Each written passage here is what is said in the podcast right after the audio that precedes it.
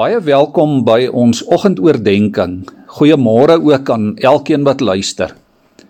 Daar was eendag 'n man wat nie in die menslike geboorte van Christus geglo het nie. En ook nie in die geestelike betekenis daarvan nie. En hy was oor die algemeen skepties oor God. Hy en sy familie het op 'n plaas gebly. Sy vrou was 'n baie toegewyde gelowige wat haar kinders ook in die geloof grootgemaak het. En soms het hy die lewe vir sy vrou baie moeilik gemaak. Hy het haar gespot en getreiter oor haar geloof. Dit is alles sommer net nonsens, het hy dan gesê.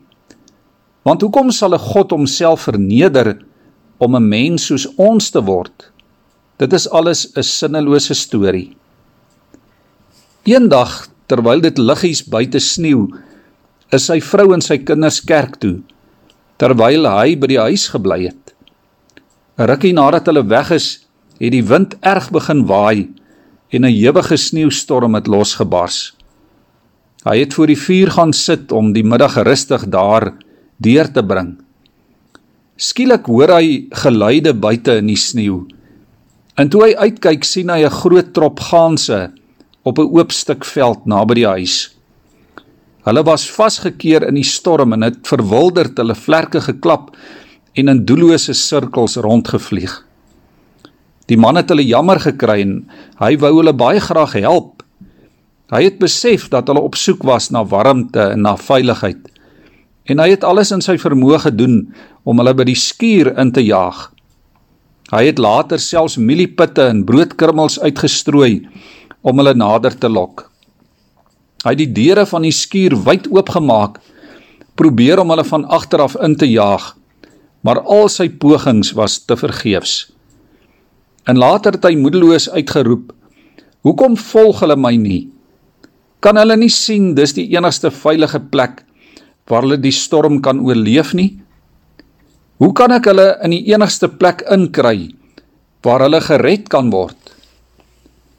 En skielik besef hierdie man Hy sal hulle nooit in die skuur kry nie. Hulle sal hom nooit volg omdat hy 'n mens is nie. Hy het vir homself gesê: "Die enigste manier is as ek self 'n gaans word soos een van hulle. Dan sal hulle my volg sodat ek hulle na veiligheid toe kan lei." Op daardie oomblik het sy gedagtes hom vasgegryp. Hy het die woorde weer 'n keer vir homself herhaal: As ek soos een van hulle kan word, sal ek hulle kan red. En net daar in die sneeu vir die eerste keer in sy lewe verstaan hy die hart van God en die liefde van God vir mense. Hy daar op sy knieë neergeval in die sneeu. Liewe vriende, Johannes 3 vers 16, seker een van die bekendste verse in die Nuwe Testament sê God het die wêreld so liefgehad dat hy sy enigste seun gegee het sodat elkeen wat in hom glo nie verlore sal gaan nie maar die ewige lewe sal hê.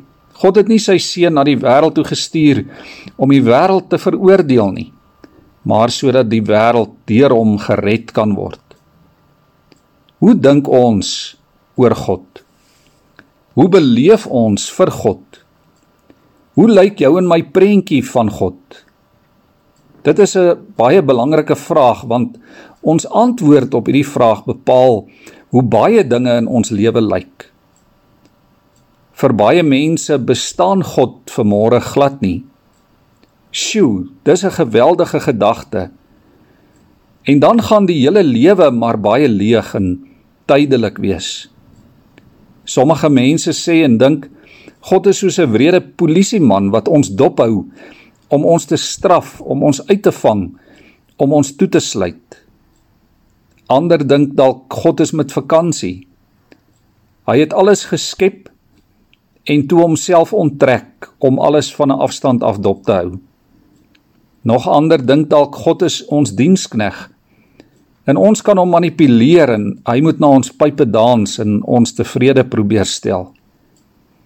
Johannes 3 vers 16 sê nee. God is die teenwoordige God. Die God wat ons oneindig liefhet. Hy word een van ons. Hy is Immanuel, God met ons, die God van genade. En hy het die mensdom nog nooit deur al die eeue alleen gelos nie. Hy is die sagte God wat die pad saam met jou stap omdat jy vir hom kosbaar is. Hy is vandag nader aan jou as wat jy dink. Hy is by jou deur sy gees wat in jou bly. Kom ons bid saam.